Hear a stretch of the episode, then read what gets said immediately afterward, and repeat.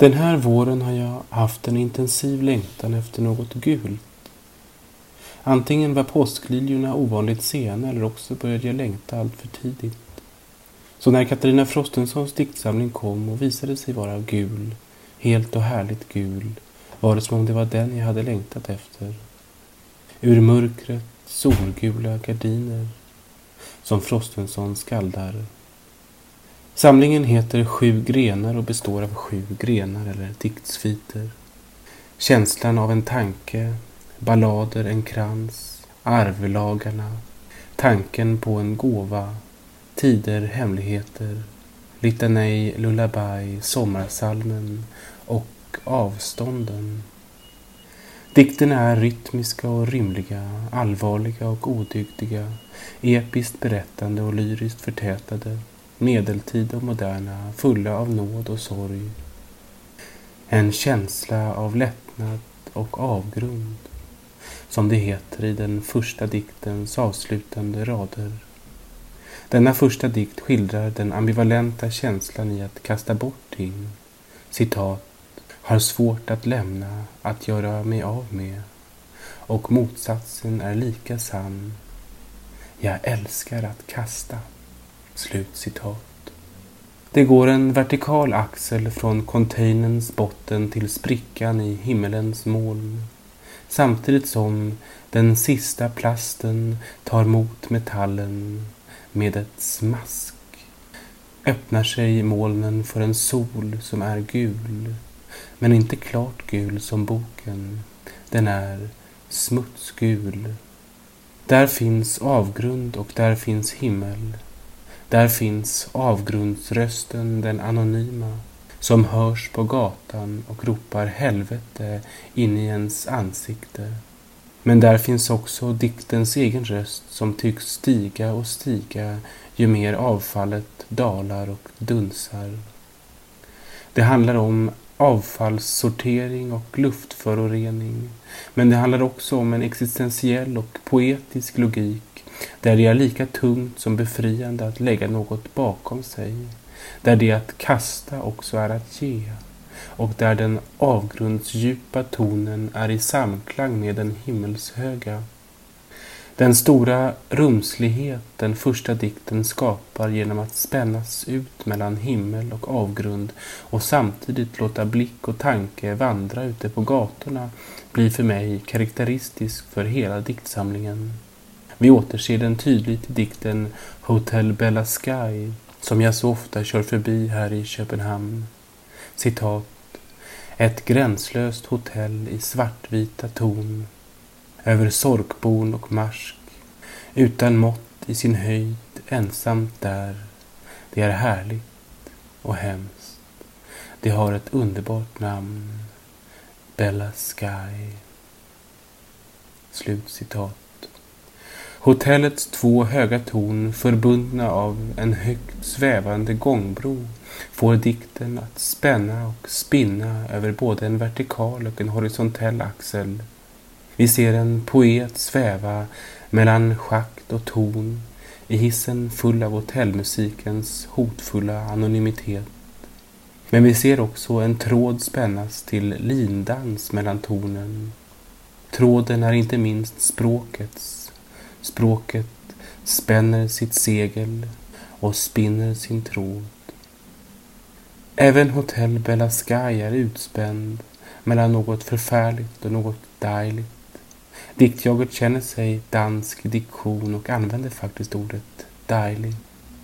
Hotellet är härligt och hemskt, som det heter, med en allitteration som skrevar över versens gränser och skapar samklang mellan motsättningarna och för övrigt dyker upp igen mot slutet av boken där hemsk och härlig betecknar människans känsla av att vara en osägbar litenhet utsträckt mellan stjärnornas knappnålsanrop och tyngdkraften från det mörka, djupa.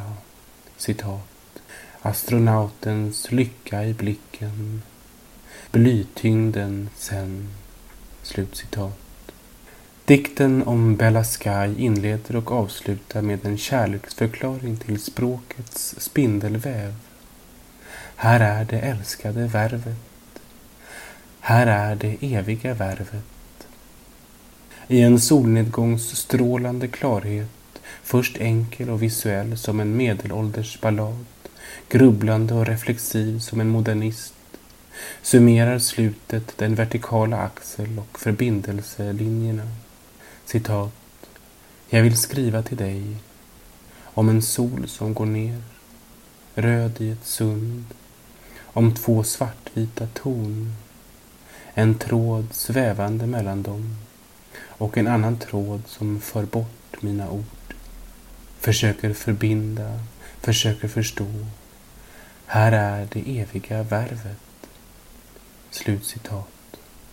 En starkt rumslig dikt ger oss också Riddare Sol där poeten med slagfärdiga rim och rytmer sjunger fram rummet i Lunds domkyrka. Även det ett hus med två torn, så det både låter och lyser för läsaren.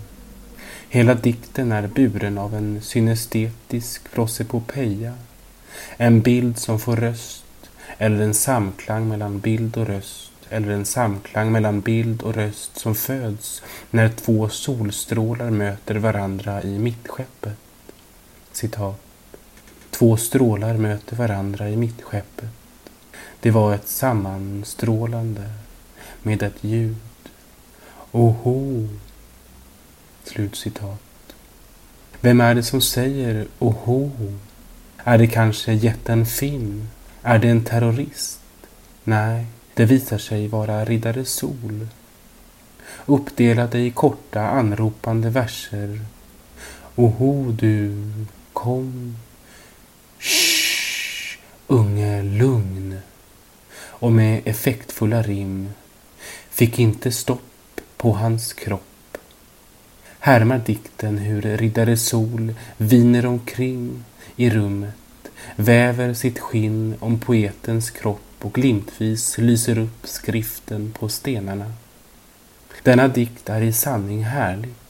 Ett virtuost musikstycke där klang och rytm fyller en med glädje. En komposition där ordens rum och bildskapande förmåga får en att gapa av lycka. Men inget i denna samling är härligt utan att det hemska också finns där. I den glimt där ljudet påkallar rädslan för explosionen och vi påminns om att vi lever i en tid av ständig skräckberedskap där helgedomar sprängs till småbitar av något annat än solljusets flimmer. Sorgen är hos Frostenson både personlig och politisk. Nåden är poetisk. Det är sorgen över de kära döda, försvunna somrar, men också över fattigdom, flyktingar, hatets främlingsfientliga avgrundsröst, den försvinnande naturen. Nåden finns i språket, i rösten, i ordet, i poesin. Nåden finns i poesin. Utan den lilla stämsjälen skulle allt stå sig slätt, som det heter i dikten Taltrast. Vilket ord! Taltrast. Där den lilla stämsjälen alias taltrasten ilar omkring lika okynnigt i skogen som riddare Sol i domkyrkan. Än är den borta, än är den där igen. Än putsar den självsmakande sina fjädrar och slutligen blir den slukad och inkorporerad som var den en hostia dröjer i svalgets avgrund och uppstår åter som var den Jesus Kristus. Den kristna inkarnationslogiken kommer till uttryck på flera platser i dikterna. Förhållandet mellan kött och ord, ordens materialisering. En av de första dikterna, Vaknar, spelar mellan de två orden skrika och skriva. Här för oss skiftet av en enda bokstav från kött till ord från strupe till skrift i en rörelse som formuleras som en omvänd inkarnation. Citat. Vaknar i en fasansfull lust att skrika. Som att vilja skriva. Föra över snabbt får det gå när K blir V. Köttet i verb övergår. Slutcitat. Men rörelsen går också i motsatt riktning från ord till kött. Skriva vill skrika igen, gå åter till köttet. Tematiseringen av köttets skrikblivande och ordets köttblivande för med sig en uppmärksamhet på språkets kött, den bokstavsmateria som ordet är gjort av. Skriva eller skrika, V eller K. Dikten slutar med bilder av skriftens skrikande köttblivande som tatuering eller etsning. Citat låta bokstaven bära sina skaklar, en kuli, blod föras i pintunna linjer. Slut citat. Materialiseringen av språket är genomgående i diktsamlingen, där ordens materialitet skapar mening i samma grad som dess semantiska innebörd.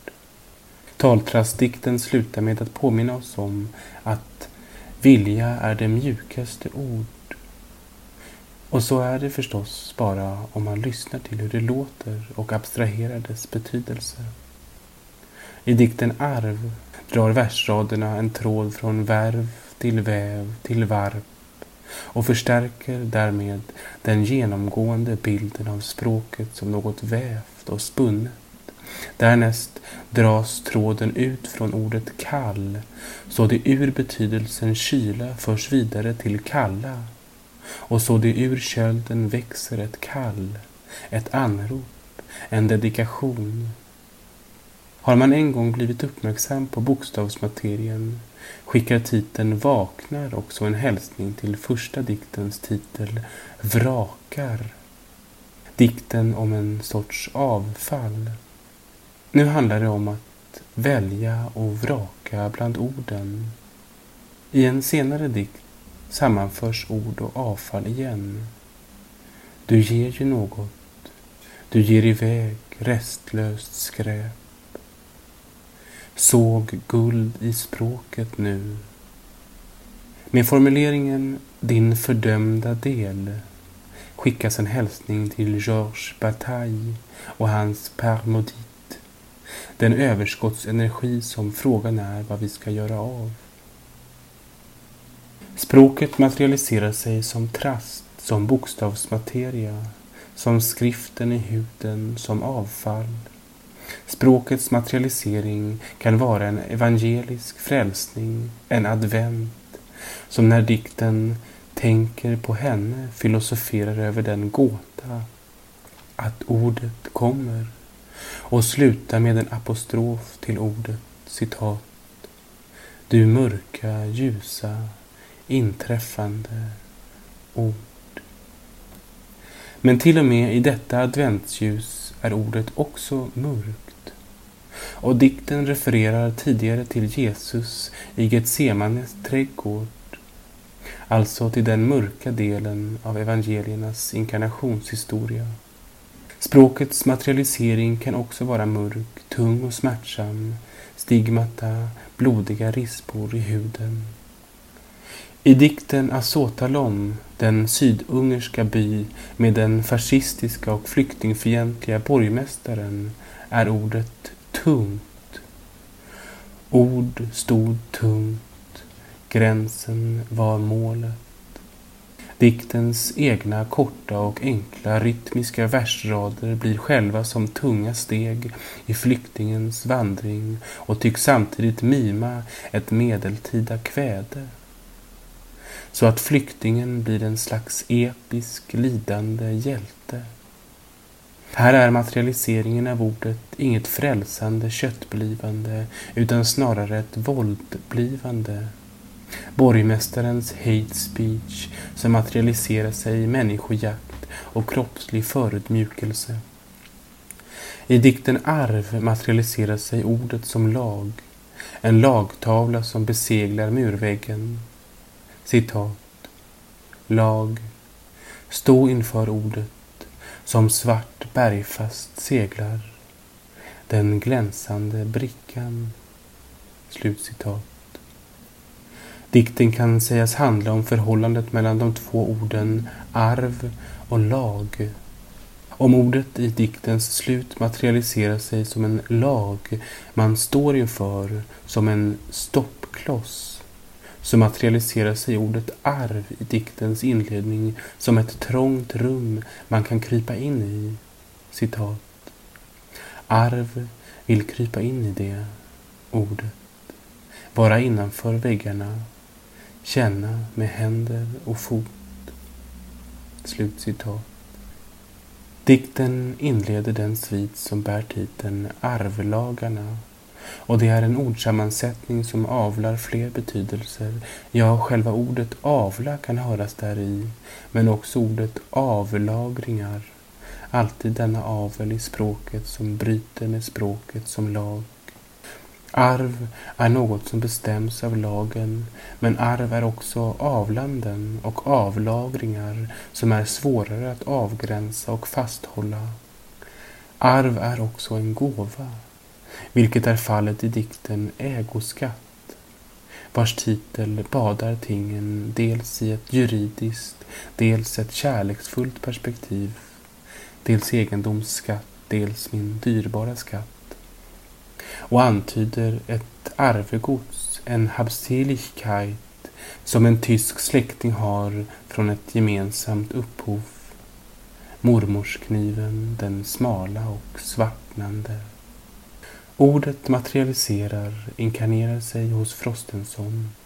Ordmaterialets klang och rytm, vad man skulle kunna kalla det lagmässiga språkets restprodukt avlar nya betydelser och skapar diktrum som man får lust att uppehålla sig länge i, vart och ett.